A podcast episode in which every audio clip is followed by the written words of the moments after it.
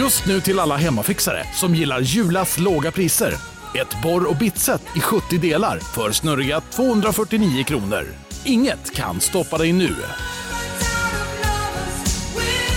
Välkommen till Unionen. Jo, jag undrar hur många semesterdagar jag har som projektanställd och vad gör jag om jag inte får något semestertillägg? Påverkar det inkomstförsäkringen? För jag har blivit varslad, till skillnad från min kollega som ofta kör härskarteknik på möten och dessutom har högre lön trots samma tjänst. Vad gör jag nu? Okej, vi tar det från början. Jobbigt på jobbet. Som medlem i Unionen kan du alltid prata med våra rådgivare. Du lyssnar på en podd från Perfect Day. Jag skickar ett klipp till dig här nu. Jag bara mår så bra av det. Det var ett otroligt, en otrolig comeback i brittisk mat-tv från 2010 som har sett tidigare. Spännande. Det, det är då en eh, kvinna eh, som är programledare som smakar på den här kockens eh, typ macaroni and cheese. Ja. Ja, och han har en comeback som är härlig. Kan lyssna på det. Do you know, it's, if it had like ham in it,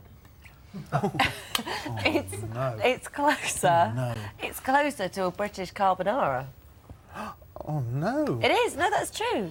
Oh well, fine. So I'm glad you're standing Do there. you agree? Oh, yeah, yeah, yeah. But you know what I mean. If my grandmother had wheels, she would have been a bike.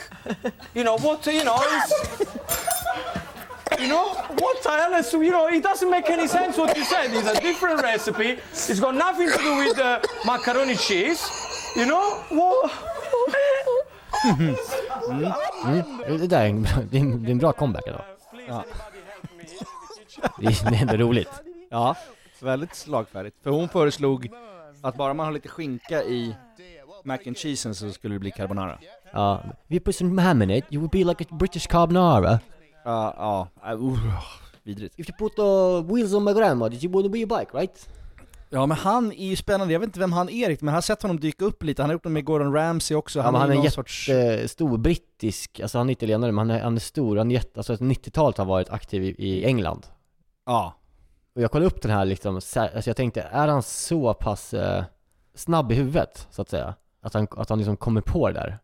Men så kollade jag Mm. upp det där uttrycket. Det är ett, framförallt ett väldigt, eh, ett uttryck som används i Rom. För att beskriva någonting som är äpplen och päron typ.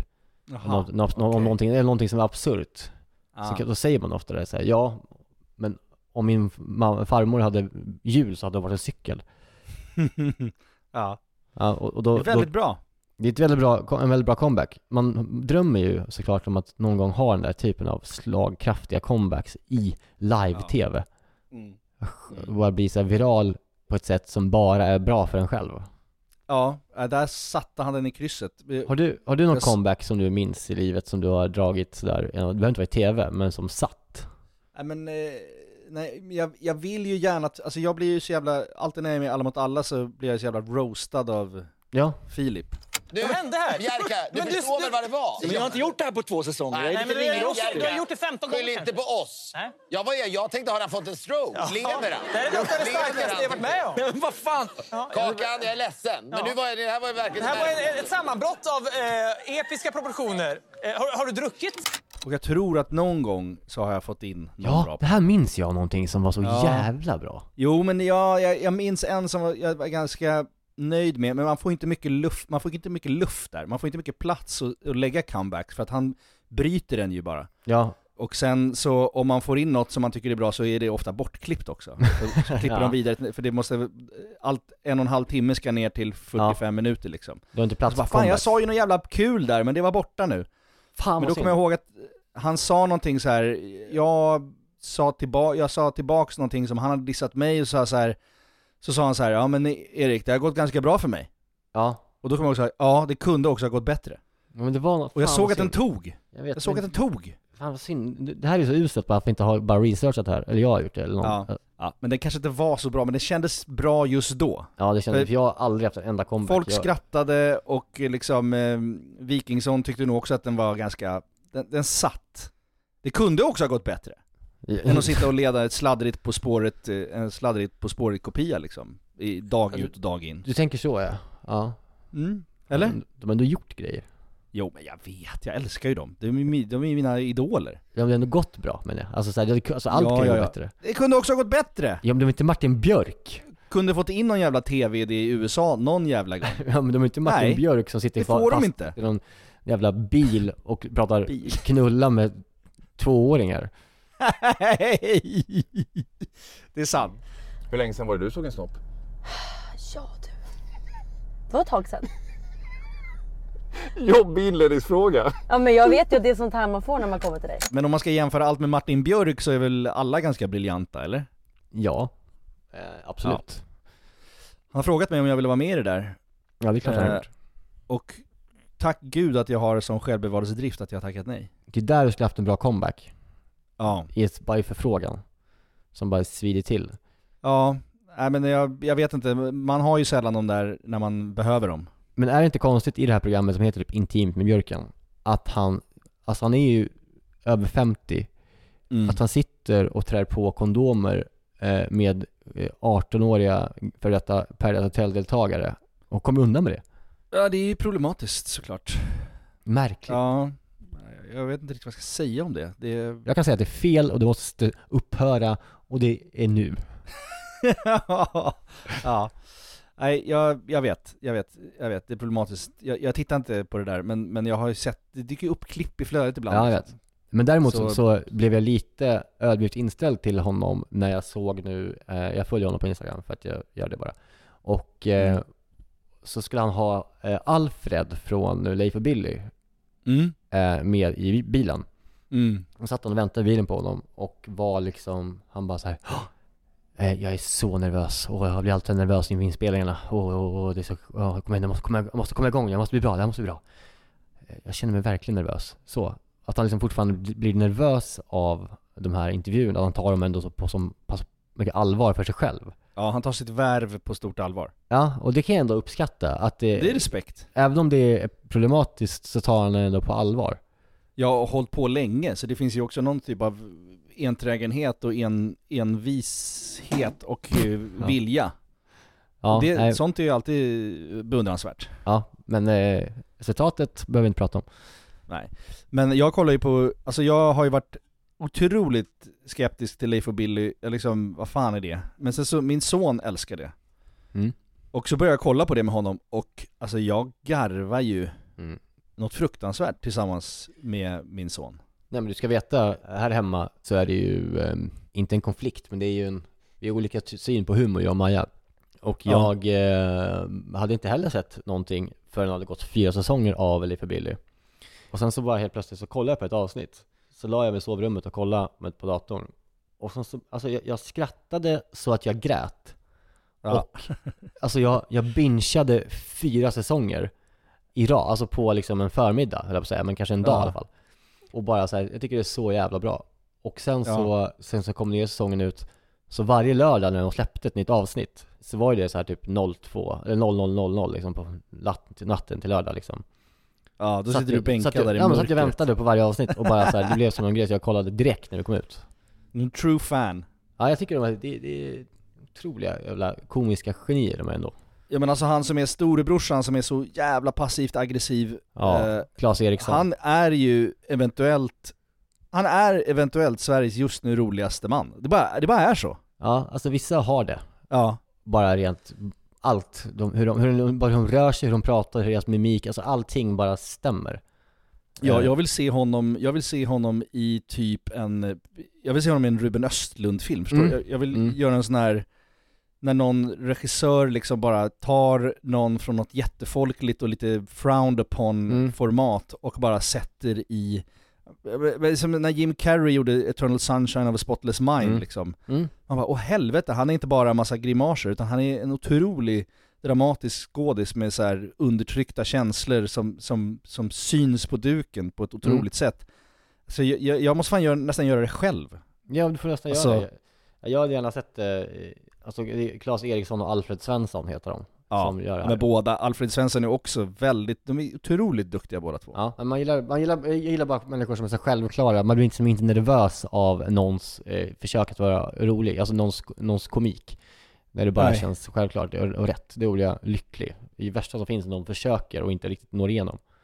Ja, nej det, det är hemskt. Men, men det är också så här, det finns också någon trygghet i formatet med Leif och Billy att så här, det- ja, precis som liksom Curb Your Enthusiasm eller Mm. Alltså det finns, man vet, alltså, okej, när han har kört in i det där garaget i början så vet man att det garaget kommer komma tillbaka i slutet, så kommer det visa sig att det är grannens mammas Ja. garage. Eller förstår du?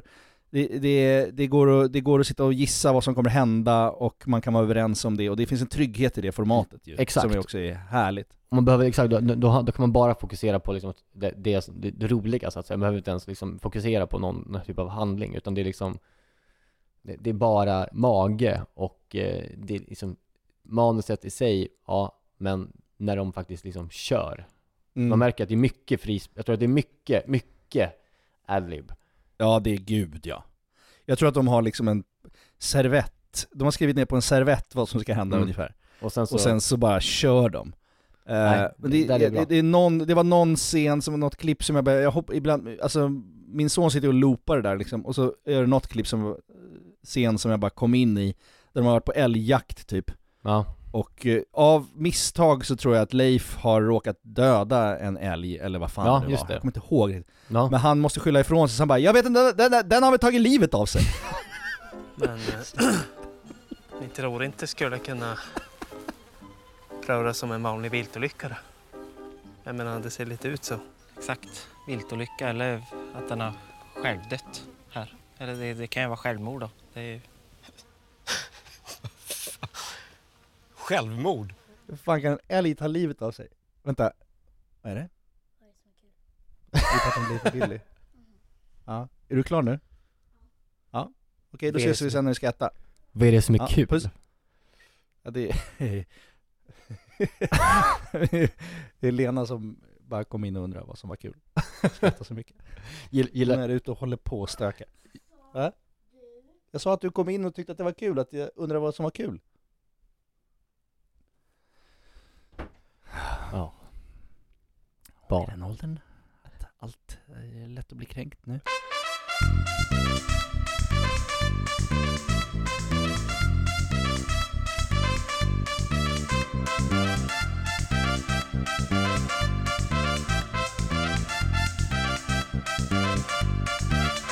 Också när vi ändå pratar om tv-program vi tittar på så är vi true Mästerkocken-fans båda två. Mm. Alltså vi har ju sett allt. Jag, jag kollar i den mån jag kan även efter stängning. Och jag älskar Mästerkocken. Det enda jag liksom, som jag är så jävla trött på, men det gäller all reality, det är synkar. Mm. Och jag, jag tänker, du som är tv-producent, går det på något sätt att komma, kommer vi komma ut ur synk-eran? Mm. Och för Eh. lyssnare, som inte, lyssnare som inte riktigt vet, förstår vad jag menar, det här är också lite terminologi, men det är ju när man klipper från själva handlingen tillbaks till en person som är deltagare som sitter och pratar och så här. ja sen ser jag att eh, Ja. Gorm kommer med, med ved, och eh, då känner jag så här: vad är det som är på väg att hända nu? Och då ska man prata i presens för att det ska Ja. vara som att man hoppar direkt ur situationen och berättar. Det, jag har själv gjort det liksom på vissa så matlagningsprogram, eller på Fångarna på fortet var jag en mörk episod i min karriär när jag var med i Fångarna på fortet och gjorde bort mig Jo, och eh, Har du sett det ens? Jag tror inte du beblandade dig med sånt skräp Det, det har setts på. Ja. Eh, och vi kommer lägga ut det klippet här när du hoppar ut i vattnet här. Inte säker på att vi måste göra det, men ja ja Är du beredd? Ja! Är du beredd? Gå! Gå! Ja, angenämt. Klara, färdiga, kör! Kom igen Jakob!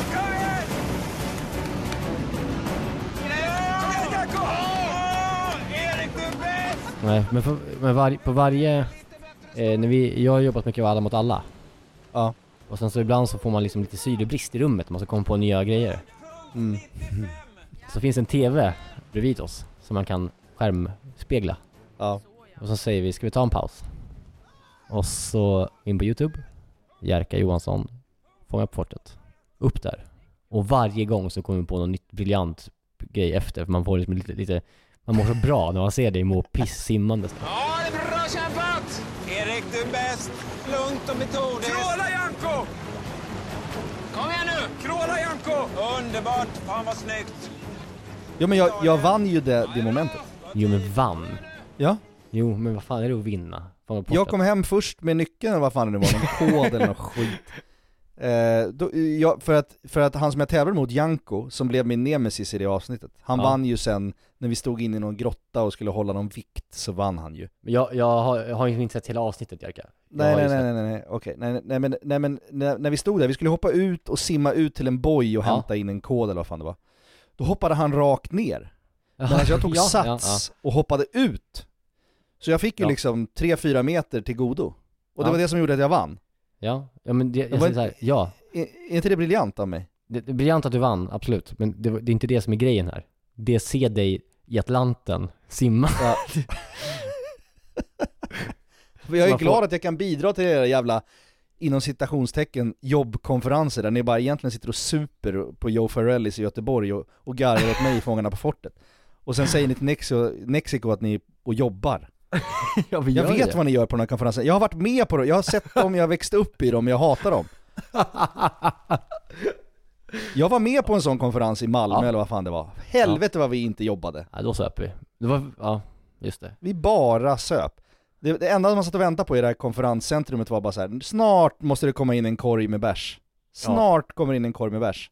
Du ska veta att det utvecklas. Det, det, det, det, gör alla de här konferenserna startar någonting och sätter igång saker i huvudet på folk som gör att folk vill jobba med det en säsong till. Och Ja. man kommer ofta hem på riktigt med mycket, mycket, mycket idéer. Och det Jo, gör men det- att man kommer igång. Jag vet, att- jag, jag vet att det funkar och det är bra, det är teambuilding och det är inspiration och hej och hå. Alltså vi, vi åt ju någon sorts söndagsmiddag med Wikingsson häromdagen och kollade på fotboll och då berättade Mm. han ju att de senaste Göteborgsresan har kommit hem med fem nya moment till Alla mot alla Ja, efter en ja, sån du där ser. Resa. Så att det funkar ju. Det Ja. funkar ju. Och det Ja. tackar vi dig för. Tack. Det enda jag tänkte var bara, det här går inte att förlora. Det här får jag inte förlora. Om jag förlorar det här då, då kommer jag inte kunna visa mig eh, hemma. Alltså. Ja, eh, men, men då så var det ju så här, då, då, då fick man gå och göra synkar, men det gjorde man alla de i efterhand ju, på Ja. hotellet, när Ja, man hade visst. kommit hem från Ja. den här jävla Fort Boyard. Så gi- gick man upp till något synkrum, och så pratade man så här, och så sa man så här, ja, sen gick jag ju upp till Fader Fouras. Nej, du, du, du går Nej. upp till Fader Ja, exakt. rättar de då. För det ska Ja. vara i presens. Ja, såklart. Vilket också är så här, det är ingen som tror man? att jag, vad sa du? Ja, Ja, vem lurar man? Tänker du? ja. Och, sen, och sen så ser man då på Mästerkocken liksom att så här. De säger, Åh nej, "Åh, jag är bränns!" så stressad nu, herregud, 15 Ja. minuter kvar! Och man Ja. bara så här, hur, hur länge ska den här charaden Ja. få hålla på i TV-Sverige, eller TV-världen? Ja, men det är så det ser ut, eh, tyvärr. Men vad är din profetia som TV-producent? Så här, när, kan vi komma runt det här på något sätt? Mm, ja, men ja, det kan man ju göra. Och man kan ju bara lita på tittarna och tro, förstå att de är stressade när de ser stressade ut. Eh, de behöver inte säga det, tycker jag. Alltså det är liksom mer, jag tycker det är lite dumt. Nu skulle till exempel jag göra ett realityprogram på TV4 eh, Just det, jävligt med kul ju. Edvin Johanna, som har Ursäkta. Och Mm. då har vi tagit ett beslut att vi inte ska göra en enda synk. Gud vad Vi bra, ska, vad uppfriskande! på, vi ska lita på tittarna, att de förstår hur, alltså vad som pågår. Och, men det Ja. som är grejen är så här, det kräver också att det är människor som är bra framför kameran, som också är uttrycksfulla nog att hela tiden prata om saker som uppstår och inte liksom bara och reagera med mimik och allting och vara liksom så här inne i Mm. det. Människor som inte är vana framför kameran, de kanske blir stressade där live och inte kan uttrycka det de känner. Nej. Och då kan de här grejerna hjälpa till för att bygga Ja. känslor. Det är det som är grejen alltså. Men, men däremot så tycker jag då att när man har människor som man vet och har testat är bra framför kameran, Mm. så tycker jag att det är lite att skriva folk på näsan. Och det jag- tycker jag man borde liksom akta sig för när man har möjlighet att göra det. Men just i Mästerkocken kan jag inte köpa det. Men däremot får man ju akta sig lite för det här, just som du säger, att skrika nu är det 15 minuter kvar och jag är stressad. Den, Mm. den synken kanske inte behövs, för det ser man. Ja. Men däremot kanske man kan synka upp så här, när jag misslyckades, jag misslyckades med pastadegen så känner jag liksom så här, ja nu måste jag liksom hinna. Då, det kan ju hjälpa till att bygga så här, ja nu, nu för att man kanske inte ser att pastadegen är misslyckad. Men Ja, man kan, men däremot kan man dra ner på synkarna lite, tycker jag. Jo. Men vi får grotta ner oss i det här om några veckor. Ja, men just det. Det, det, det var det jag skulle komma fram till. Vi, alltså vi var ju så vi hejade ju båda på Adam. Från egentligen dag ett, eller? Ja men sen, sen han klev in i rummet så visste jag att de skulle vinna, för att han är så överlägsen eh, i, i liksom hur han lagar mat. Ja men och sättet han pratar om mat och vad det har betytt för honom och liksom hur han har fått det från sin farmor eller vad det var. Eh, och eh, sen i efterhand har man förstått att maten också har räddat honom ur ett missbruk Ja. eh, som var på väg att gå åt helvete. Och så hittade han och blev liksom besatt av att, att, eh, att skapa god mat istället. Det är ju en så jävla fin, härlig historia och berättelse som man vill veta mer om. Mm. Och det var så jävla kul att han vann, han gjorde otroliga grejer, och en sån sak som vi pratade om sist vi sågs var ju Mm. att, bara så hans efterrätt, Ja. så han, fick han dit körsbär från, som han hade haft i frysen, som han, hans farmor hade plockat innan hon gick bort, Ja. som han har haft i frysen, och som har funnits där som liksom ett minne från henne, och som han har tänkt så här. De här ska jag laga vid ett speciellt tillfälle, och så får han dem till Mästerkocken-finalen och vinner. Mm. Ja, det är starkt.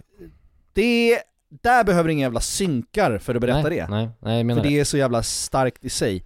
Men han är ju otroligt älskvärd och kul och har tackat ja till att komma till podden. Ja, exakt. Och det är vi jävligt Ja. glada för. För att jag tror att han kommer nog vara, eh, vid många av de här som har vunnit Mästerkocken kanske inte liksom riktigt har slagit igenom på ett bred front och liksom varit väl, eller vissa har inte gjort det, en del är kvar. Men eh, han är en sån som jag tror vi kommer få se mycket av framöver.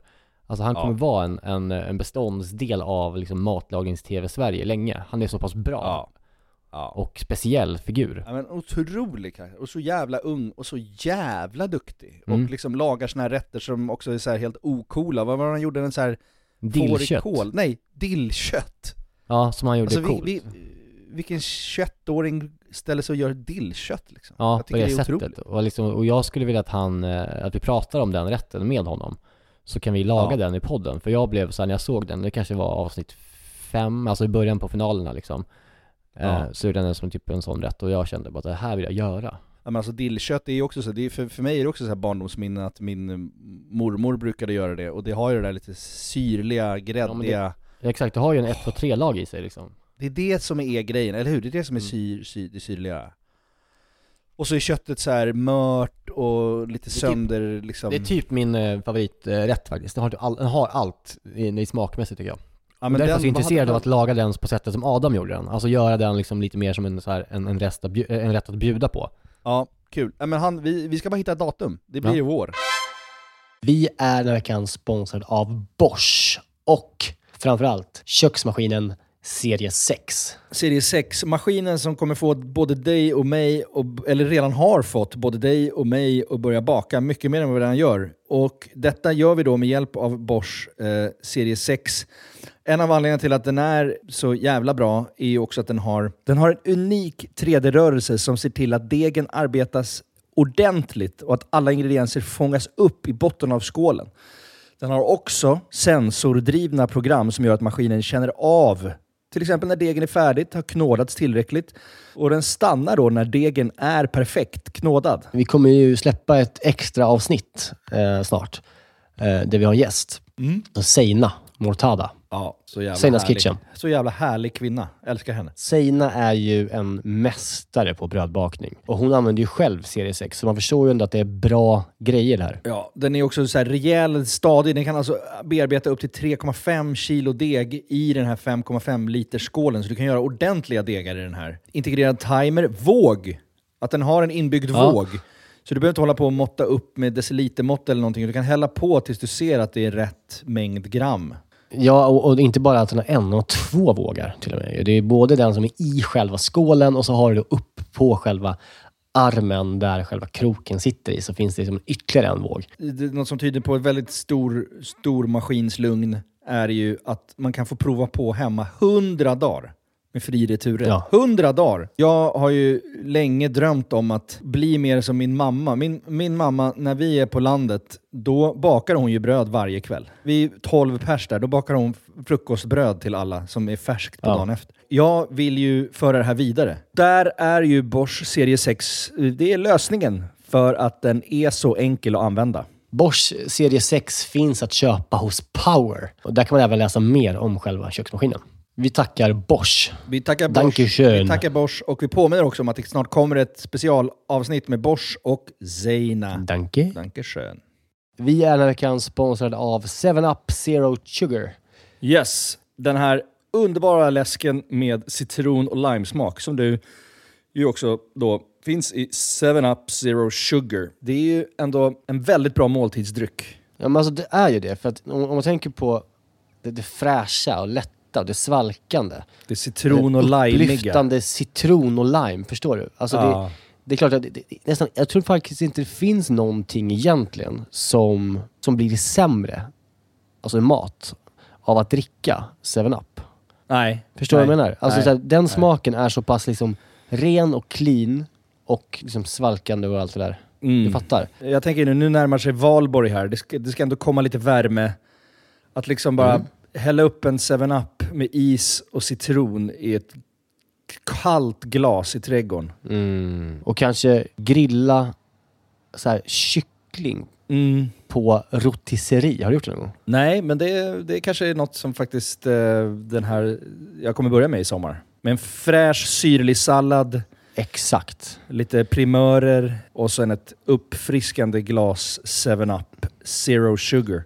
De sista åren när Zero har tagit liksom över marknaden så, så blir man ju glad eh, varje gång man upptäcker att liksom ens gamla favoriter som 7-Up ändå har varit genom åren. Mm. Och bara, ja, det är klart att det finns i Zero också. Den här smaken är verkligen, alltså jag kopplar den starkt till sommaren och sommaren står Ja. framför oss. Så det är bara att langa in lite 7-Up i kylen eh, och eh, ta dig an sommaren på ett värdigt sätt. Vi hälsar sommaren välkommen och knäpper en 7-Up Zero Sugar. Lyssna bara på det här ljudet. Vi är den här veckan sponsrade av Pilsner Urquell, våra vänner på Pilsner Urquell. Ja, de har blivit som en fast punkt för oss ju. Eh, Jag framförallt dricker kanske mer Urquell än vad du gör. Men därför är jag extra glad och liksom kunna presentera att under våren så lanserar Pilsner Urquell kortburk på Systembolaget. En Den lilla 33. 33an. Och den är kall hela vägen Mm. igenom och så vidare. Det är en av de fina grejerna med Urquell. Det är också så att på, om, man, om man går på ett Urquell-hak då har de Mm. ofta en certifierad tapster.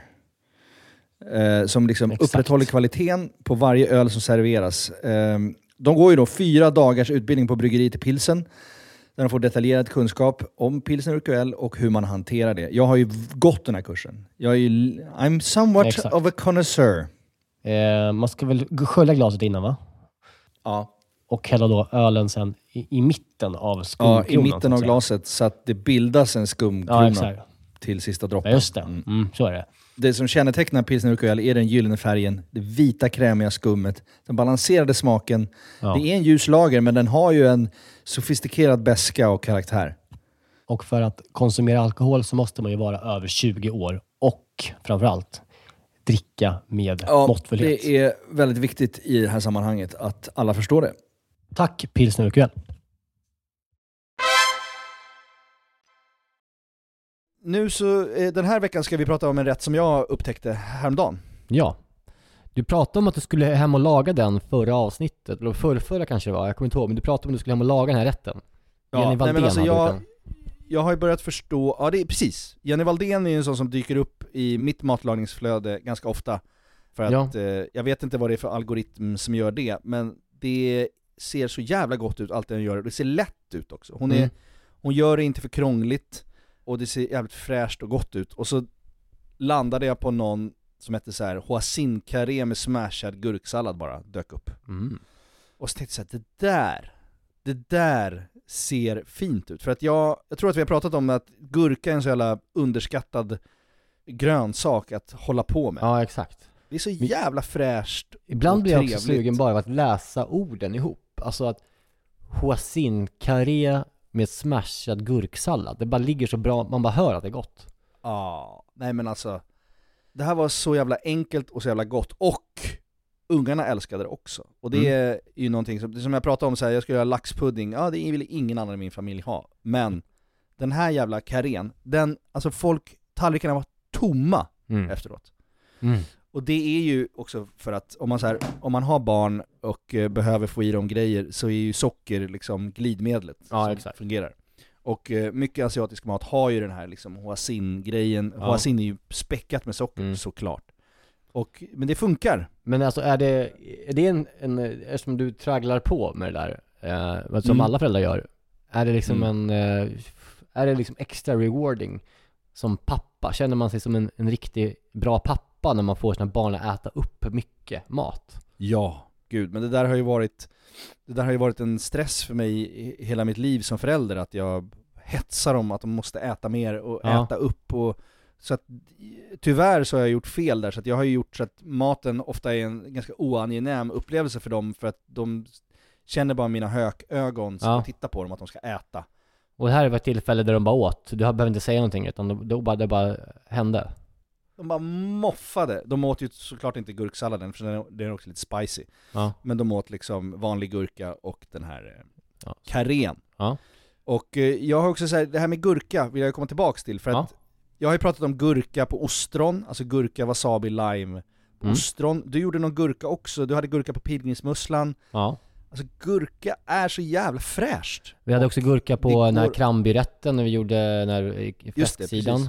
Som ja, också och var... va- jag menar vanlig pressgurka som man gör till köttbullar Ja. är också helt jävla otroligt vad Mm. kul det är. Och, det är som du sa också, det att, att det, det, det bär andra smaker på ett sätt som gör att de Ja. liksom poppar i munnen för att det är som gurkan är så här spänstig och liksom mycket, mycket vätska i. Så när man har Ja. in vätska, används det bara som en, som en bomb i, ans, i, i munnen liksom, när man käkar. ja, och det är också som en katalysator om du äter något jävligt hett. Jag tänker på så här, min favoritgurka nästan inom asiatiska köket, det är den man får till bang bang kyckling på Surfers. Jaha. Bang bang kyckling är ju någon så här ganska stark eh, kyckling i någon sorts sesam, halloj, jag vet inte fan vad det är på Surfers. Det är en av mina favoriträtter på Surfers som jag alltid äter när jag är där på Gotland. Men, men då får man ju också någon sorts gurksallad till. Ja. Som bara kommer in med en fräschör och en mildhet och eh, liksom vätska i det här starka, heta, eh, Ja, ja, ja, liksom sesam-pastiga på något sätt. Så gurka är en sån jävla bra komplement till så mycket. Och när jag såg den här smashade gurksalladen, då blev jag så jävla lycklig. Vet du att jag, eh, men samtidigt som du pratade om bang bang kyckling på Surfers så kollade jag upp. Mm. Det finns ett recept på Aftonbladet från den, från restaurangen. Oj! Och då innehåller egentligen bara själva salladen att det är gurka, salladslök, rostade sesamfrön och mal Det är det. Sichuanpeppar. Åh, det är det det är! Mm. Du ser, det kan som addera små, små grejer till gurkan så, så lyfter den. Mm, men det behövs så lite. Helt klart underskattad. Ja, och därför den här, eh, vi ska börja prata om den här rätten, vad man behöver. Mm. Eller? Det tycker jag verkligen, jag är jättesugen. Jag såg, du skickade ju igång- bild när du hade lagat den och jag eh, blev genast väldigt, väldigt sugen på att äta den. För att samtidigt som jag gjorde det så hade jag lagat den här eh, rätten som jag också pratade om att jag skulle göra, som var den här filippinska rätten. Den här kycklingen som Tobias Nordström hade tipsat mig om med hela Just pepparkorn. Och den smakade piss. så jag blev så avundsjuk av den som du eh, eh, gjorde när jag såg den. Den är så fin. Man behöver ju då, du behöver köra en liten eh, intervention på, på Asian Livs, eller på en väl, välsorterad stor liksom Du, eh, jag såg- matvarubutik. På tal om eh, Asian Livs så finns det nu, eh, som tidigare tror jag, låg, som, som tidigare tror jag låg i Hötorgshallen, men nu som ligger på själva plattan. Det är en asiatisk Mm. butik som heter typ AM någonting, AM, typ Asian Market. Jaha. Men det var en sån här asiatisk butik, jag, jag bara gick förbi den och såg den. Det var så här raka hyllor, välsorterat, rent, cleant, sterilt. Mm. Med liksom bara hyllor med nudlar, hyll, alltså bara, bara stort sin helvete. Låter som en välsorterad, eh, ordentlig, liksom asiatisk livs. Du kanske älskar att gå och, och, bakom något hörn där det liksom ligger fågelfrön i hörnet och någon gammal frysdisk som man knappt ser in i för den har stått där sen, liksom, sen, sen Mao, Mao dog. Nej, det gör jag inte. Jo det gör du. Det, är- det, jag, jag, kan tycka att det, jag, jag kan tycka att det är romantiskt, men om Ja. ett sånt här ställe skulle dyka upp så skulle jag ju såklart hellre ta Ja. det. Det, det är liksom ett hemköp för eh, asiatiska livsbutiker. Var låg det sa du? På Sergels torg, alltså nere på Ja. plattan. Okej. Man behöver lite såna här grejer som sesamolja, risvinäger, rostade chilifrön. I det här receptet är det egentligen vanliga rostade sesamfrön, men jag kör ju alltid på mina chilirostade sesamfrön. Allt vi rabblar upp just nu finns ju på Hemköp. Ja, till exempel. precis.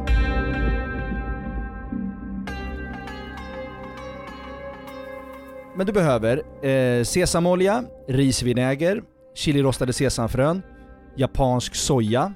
Du behöver en ordentlig bit fläskkarré, kanske 600-800 gram. Du behöver två gurkor. Du behöver en röd chili. Du behöver en kruka koriander om du är lagd åt det hållet, och det är man ju. Eh, och sen behöver du jasminris. Och jag är ju sämst på att koka ris, så att jag köper, och det är fruktansvärt eh, miljöovänligt gissar jag, Mm. men jag köper boiling bag. Ja, det gör och du. Nu får ju, nu, nu, nu får ju asiatiska liksom matlagare mörda mig för att jag gör det. Men, men jag gör det för att det är enda sättet att få till mitt ris. Och det är lätt när man har tre barn som man ska laga mat till. Ja. That's it. Den är väldigt enkel. Jag, jag, våran producent Felix har ju faktiskt sagt att han önskar lite mer vardagsrecept. Ja, ja, men han, ja. Ja, vad tänker du om det? Han ville bara, han ville bara fylla mat den dagen.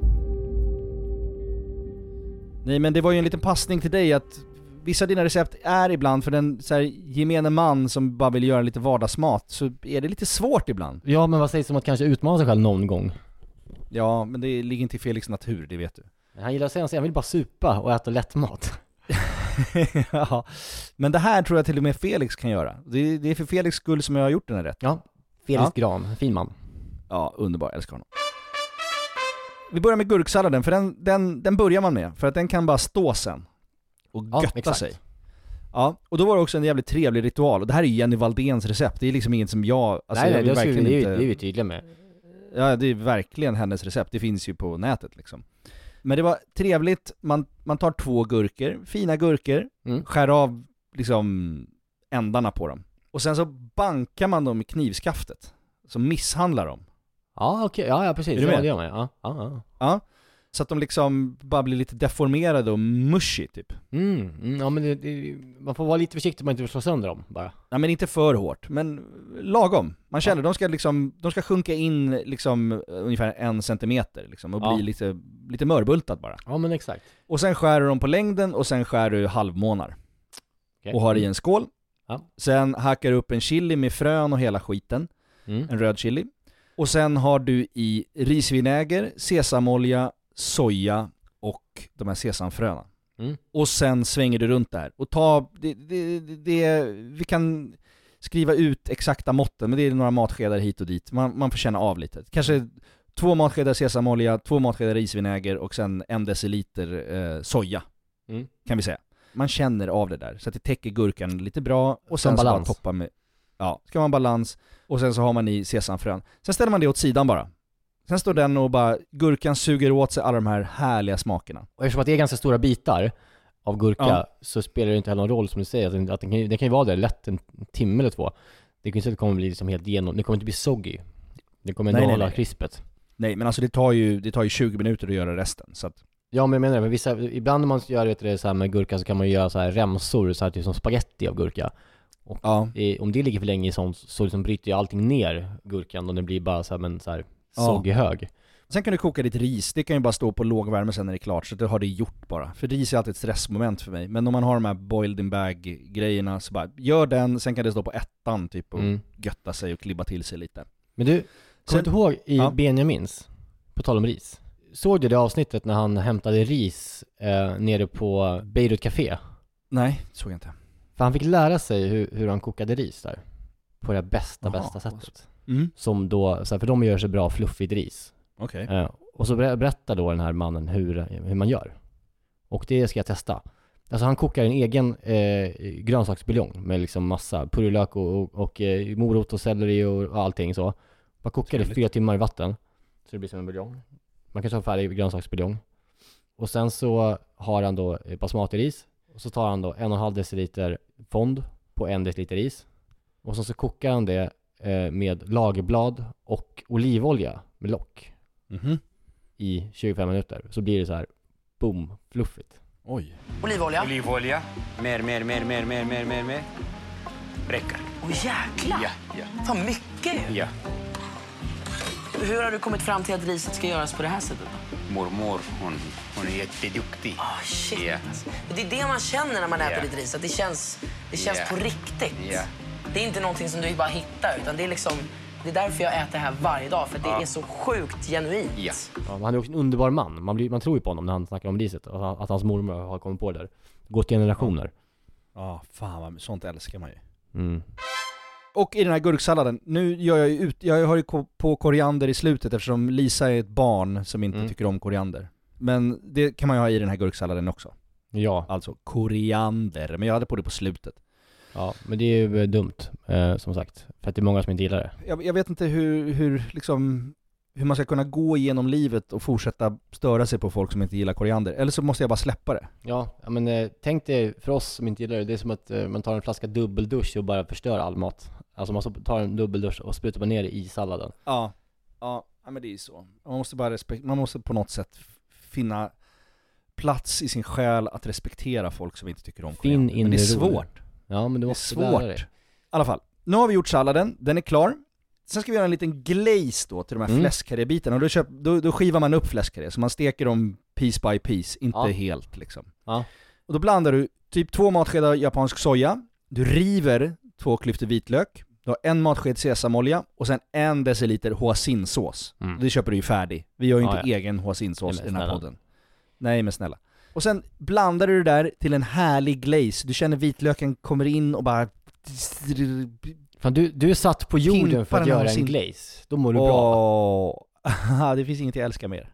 Det finns inget jag älskar mer. Alltså, dagen innan julafton när jag gör mina revbensspjäll glaze, det är det enda som är positivt för mig med julen. Allt Ja. annat är bara piss. Ja, jag känner att du, du älskar verkligen att göra en glaze. Jag är en enkel man. Ja, att göra en det- glaze gör mig lycklig. Ja. Det är ju inte ens en svår glaze, alltså Nej. det här är ju inte ens en jobbad glaze, det är ju, det är ju färdigt i stort Det är skillnad på människor som gillar att göra glaze och människor som brinner för att göra en bra rub.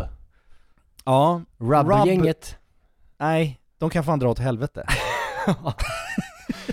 Jag gillar inte rub-gänget. Nej men alltså jag tycker sällan att rub gör jobbet. Jag har jobbat lite med rub när Ja. jag ska grilla på somrarna Ja. och jag tycker också att det blir så här.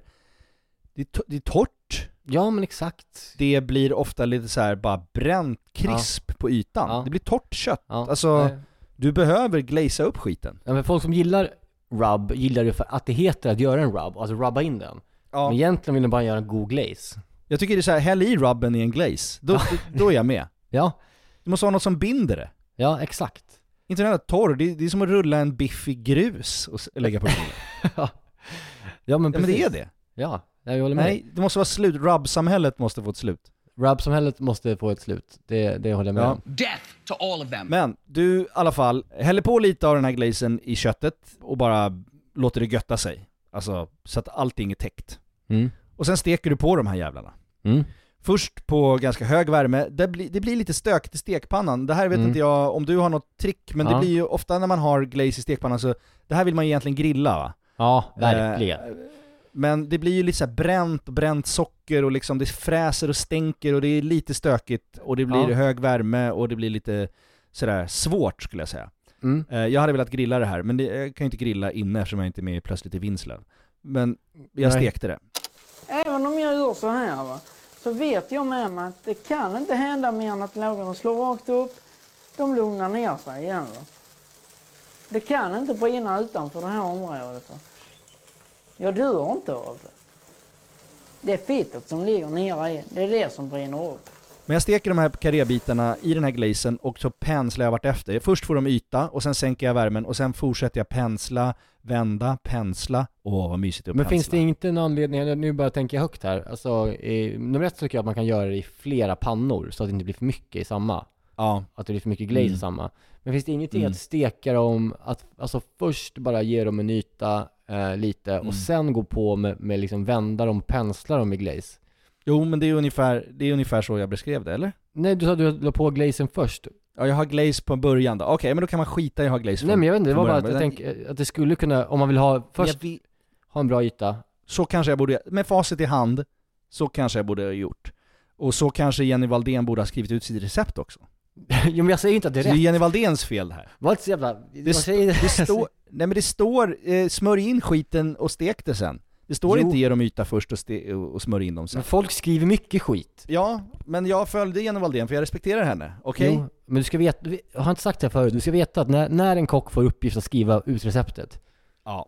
Så gör man det på typ tunnelbanan med stödord, och så ber man någon redaktör bara kanske sätta ihop den. Det är ingen som bryr Ja men sig. förstår du, förstår du, för någon gång, någon gång så, någon gång ska vi ändå släppa en kokbok, Ja, någon gång. tack, kokbok.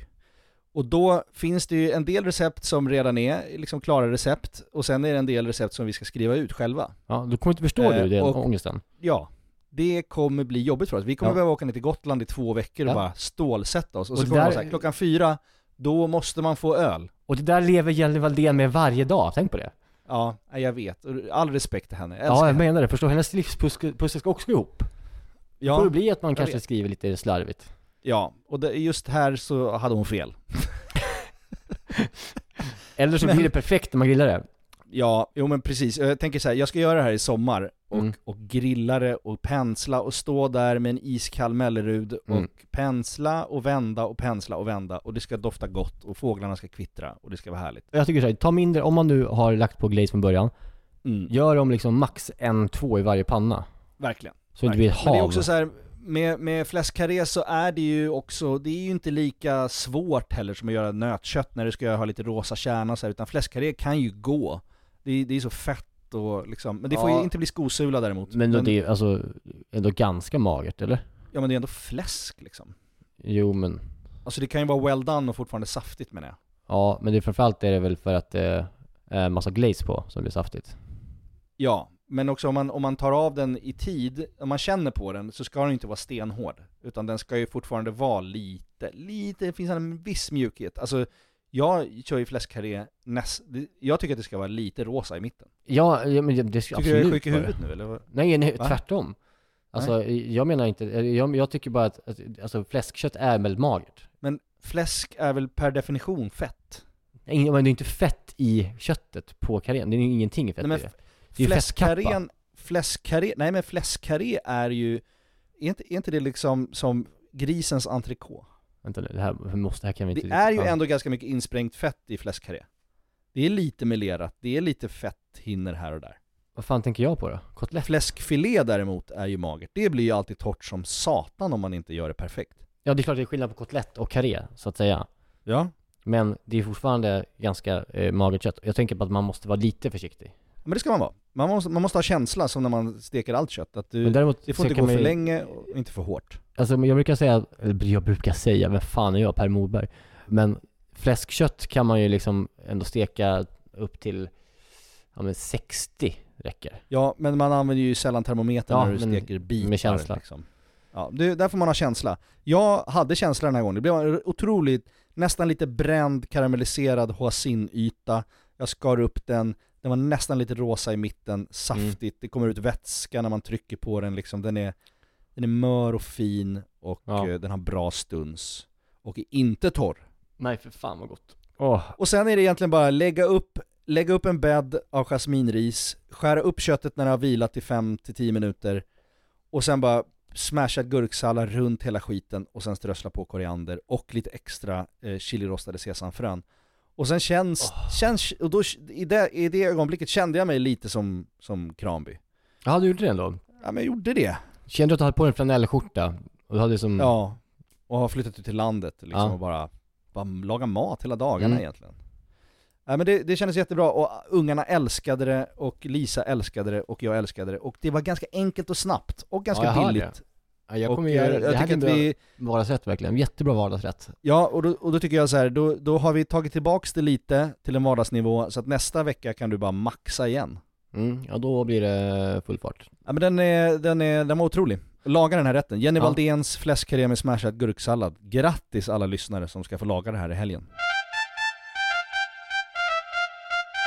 Ibland så känner man sig ju ganska platt och dum när man ska komma på maträtter att göra en tisdag. Mm. Eller jag känner det så här att ja, nu, jag kanske förväntas av framförallt Maja att ha bra idéer för mat, för jag håller på mycket med mat och så här.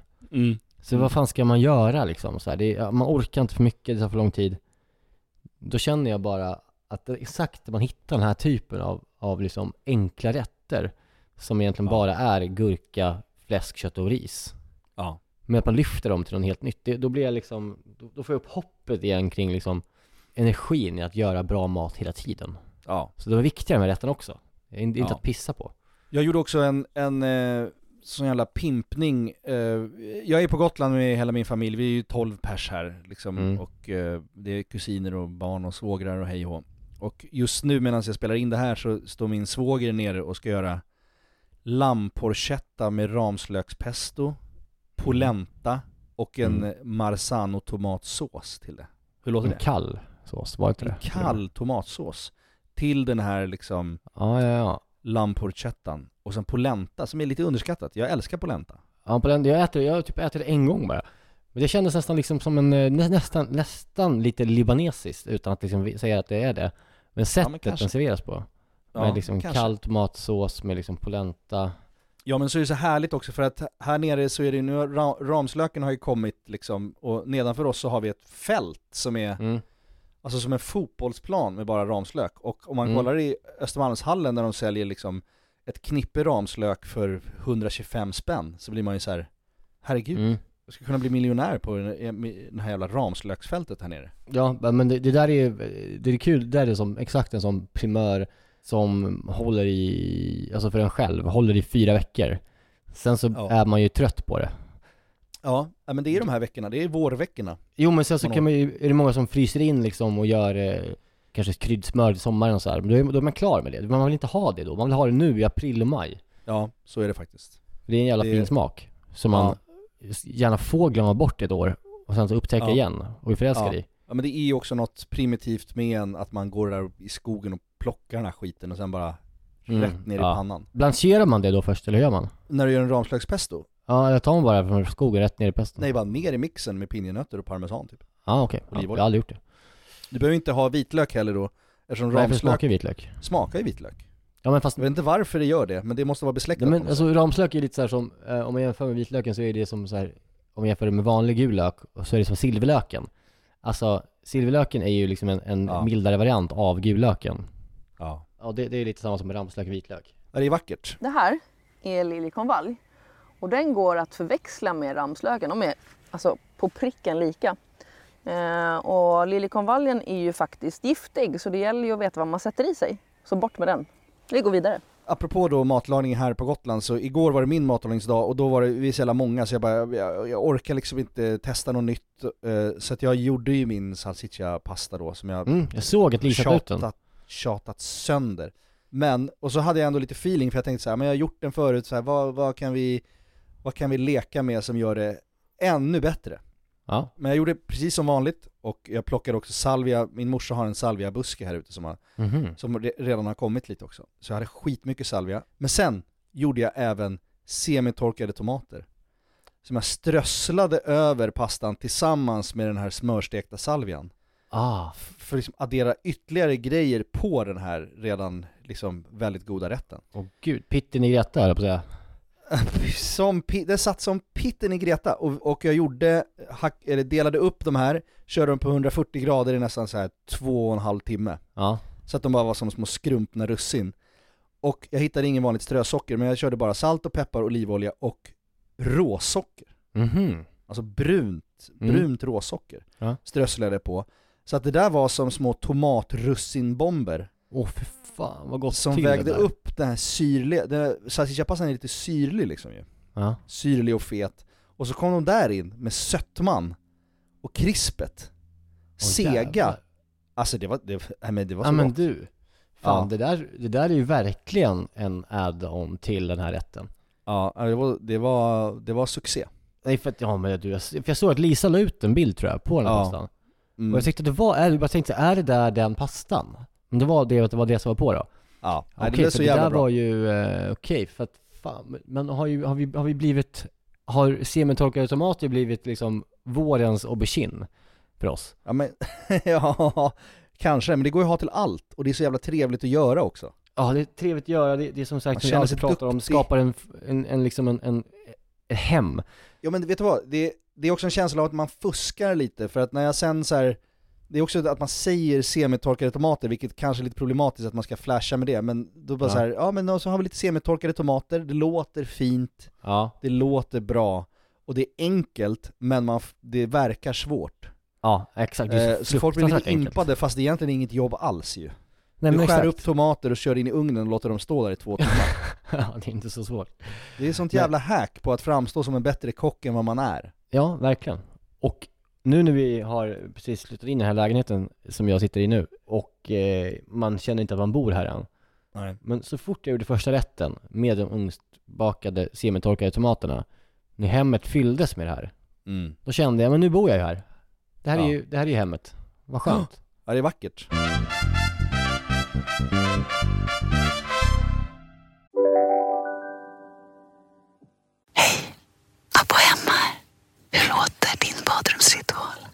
kanske så här. Eller så här. Oavsett vilken ritual du har så hittar du produkterna och inspirationen hos Apohem. Just nu till alla hemmafixare som gillar julast låga priser. En slangvinda från Gardena på 20 meter för vattentäta 499 kronor. Inget kan stoppa dig nu. Om en yogamatta är på väg till dig, som gör att du för första gången hittar ditt inre lugn, ett lugn du inte trodde fanns, som gör att du blir en trevligare partner, en bättre bilförare, en bättre kock. Du blir befordrad på jobbet men tackar nej, för att du inte längre drivs av prestation utan vill göra saker som känns meningsfulla i livet. Och, ja, eller ja, då finns det flera smarta sätt att beställa hem din yogamatta på. Som till våra paketboxar placerade på en plats nära dig och tillgängliga dygnet runt. Hälsningar Postnord. Men du, på tal om generationer så har det inte varit så många generationer av sandhäxan än som har liksom passerat ganska nytt ju. Just det. Men eh, ni ska ju ändå utveckla grejen nu till sommaren. Berätta. Ja, nej men vi, nu är det ju klart liksom att vi ska ju, vi har ju sen vi startade för tre år sedan fått ganska mycket olika frågor angående Ja. eh, Sandhäxan, om vi ska starta något till. Ja. Typ är kanske, ni borde starta på Söder, ni borde Ja. liksom komma till Malmö, Göteborg och hej och. Men vi har känt att eh, vi vill inte att det urholkas. Det, det ska finnas ett Sandhäxan. Eh, Mm. Det får inte bli att vi dör galleriadöden och har massa Nej, köer finns. Kö finns, och den, den är ju också problematisk, för det är många som vänder i dörren för att de ser så här, helvete, här kommer vi aldrig kunna äta idag. Och man kan inte boka bord och hej och. Så det är ju lite problematiskt, men vi, vi vill på något sätt ta tag det i det. Ja, ja men det är, det, det är ju härligt att känna att man har ett omtyckt och exklusivt ställe. Men vi har ändå tänkt att det måste finnas mer än det här. Och eh, då har vi fått den här chansen att vi ska liksom starta en sommarkrog på Djurgården. Det är så jävla mäktigt. Precis nere till höger om Djurgårdsbron, Mm. så ligger ett ställe som heter Sjöcaféet. Och, och det har ju en liksom, koncern som heter Bushwick Group köpt och tagit över. Och de vill att vi ska komma dit och köra sommargrej. Mm. Liksom, tre somrar Det i rad till att börja bra med. idé. Ja. Så vi ska ju ha, ta med oss våra två bästa mackor, grilled cheese och fried chicken. Och eh, massa öl och vin och bubbel och eh, rosé. Och vi har ju så här, solnedgången på den sidan. Så det kommer Mm. att vara solnedgång över liksom kanalen med solstolar och eh, liksom växthus och eh, barer och eh, god DJs. mat, DJs, livemusik. Och stort, det är alltså 900 sittplatser liksom. Så det Alltså, det kommer så vara som ett stort. litet festivalområde där vi ska husera hela sommaren. Och det ska heta Det så Strandhäxan. mäktigt. Ja, Strandhäxan ja, såklart. Ja. Eh, Ja, det och ska alltså, bli är så här- jävla mysigt. avskräcks inte, om man inte har koll på Djurgården så, det är inte så att det ligger liksom långt ute på Djurgården, så det ligger alltså på, mitt emot Strandvägen, alltså det är liksom en Ja. meter från, från bron, över Djurgården. Ja. Det är supercentralt, som- hela som är- Nybroviken innanför, alltså det är Ja. liksom, det är så jävla fint också att sitta där. Och alla som liksom är trötta på att stå i kö och vänta och trängas, kommer, där kommer det liksom, kommer man dit en sommardag så kommer man kunna sitta ner och äta en fried chicken och eh, ta en kall öl och titta ut över fjärden och Så jävla kul att ni väljer att vara där på något vis. Alltså det är just Ja. där och att det inte är liksom på Långholmen eller på Hornstull någonstans nere vid liksom, eh, eh, vid Bergsundstrand utan att man gör en sommarrestaurang på anrika Djurgården mitt emot liksom lyxparadvåningarna på Strandvägen. Ja men det känns som att också Djurgården behöver det. Det är väldigt mycket turister och väldigt mycket Ja. dyra köttbullar på Ulla Ja. Vinblad och räksmörgåsar och, och Josefinas och liksom stekarställen. Ja. Utan här, vi tar lite innerstan ut till Djurgården och det känns Ja, som att just vi att det- är on a mission. Och på Djurgården händer det så mycket på somrarna, liksom, både på Gröna Lund, massa spelningar, och så är det cirkus och det är liksom i Skansen så här. Ja. Att man vill alltid, man, man vill ju alltid liksom när man ska göra en sån grej, typ gå på någon spelning på Gröna Lund eller någonting, vill man ju gärna ta sig ett glas och liksom någonting att äta innan. Och då finns det inte så mycket att välja på ute på Djurgården, utan att liksom dö av både pengaproblem och liksom dålig mat, eller Nej dyr precis. Man känner sig lite som en främling ute på Djurgården tycker jag. Mm. Eh, Här känner jag man sig hemma. Jag Ja. fattar det, det här är fan bra, vad kul. Ja, ja, men det känns jättekul och jag hoppas att det ska flyga bara. Det är väldigt mycket logistik som ska vara på plats, Ja. men eh, det, det, det kommer gå bra. Strandhäxan, när öppnar ni? 28 april. Ja, det är ju nu. Så kör vi maj, juni, juli, augusti. Herregud. Varje dag. Ja. Öppet alla dagar.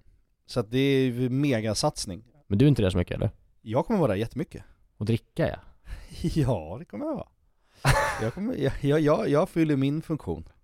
Ja, du är kuttersmycket som drar. Apan i buren. Apan i buren, det kan jag gärna vara om det är i solnedgång på Djurgården. du ska, ska du inte bära en enda diskback? Det, alltså, det, jag, jag, är, jag är ägare. jag ska inte hålla på med sånt. Nej, det är klart du inte ska. Jag håller på med massa annat. Vi har alla Ja. våra roller att fylla.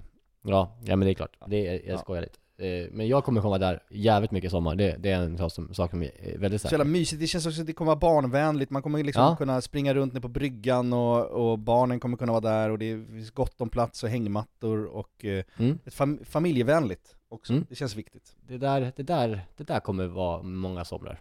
Ja men jag hoppas det. Jag Mm. hoppas det. Hoppas vi ses där. Vi kanske kan har någon jävla livepodd där någon kväll eller, eller något. Jag Ja, inte. för inte? Det är väl skitroligt? Ja, ta, ta dit alla våra lyssnare. De får ju Mm. plats. Eh, Ja, På verkligen. det där stället. Alla samtidigt. Men vi kan ju- Det är kanon. Ja, ja men det, det där låter rätt bra. Nu ska jag eh, flyga till Gotland. Ja, kul. Vi kanske hinner ses en sväng. Nej, du åker hem för fan direkt. Det är ju skittråkigt, du missar den. Ja, ja, ja, men vi kanske stannar längre, vi får se om vi får feeling. Ja. Men eh, nu ska jag ner och äta eh, lammporchetta med ramslökspesto. Mm, det ska bli väldigt trevligt. Jag hör hur de ropar på mig där nere. Jag ska, jag ska äta kvarg med banan och äpple och kanel. Underbart. Det kan du, ha. Kan inte du önska en låt som vi går ut på nu? Ja, vet du vad? Du vad Jag tänk, lyssnade på he- hela dagen idag. Nej. Från vår älskade Krunegård. Eh, som jag tänker ibland på när Får jag gissa? jag... För jag, jag, lyssnar aldrig på musik. Eh, men idag så fick jag feeling i morse när jag skulle, eh, jag vaknade. Satt jag på Mm. Etta sitta längst fram. Ah. Den är mysig också. Ja, ja Men jag- fan också. Ja, men jag, jag tänkte på en som jag också tänker på när jag så här, tänker på att jag är glad att jag har olika människor i mitt liv som betyder mycket för mig. Som Ja. dig, som mina barn, som min familj, som alla goda vänner. Och så tänker jag att han har skrivit en låt som heter 'Vilken tur att vi lever samtidigt du och jag' Som är så jävla spot on för hur man kan känna ibland till Ja. människor som man tycker om. Alltså här, vilken jävla tur att vi lever samtidigt du och jag, för att vi har så Ja. jävla kul. Och så kul. känner jag med den här podden, Bra. och så känner jag just nu i alla fall Sommaren kommer. Familj. Ja. Sommaren kommer, och den är en sån jävla feelgood låt och det är en briljant titel på den. Vilken tur att vi lever samtidigt du och jag, ska vi gå ut på idag, för att Ja. vi vill fira livet. Vi älskar Markus Krunegård, fan Ja. jag älskar honom! Och tack för vinjetten Marcus. honom. Tack! Puss och kram, vi hörs nästa vecka. Hej. Hej!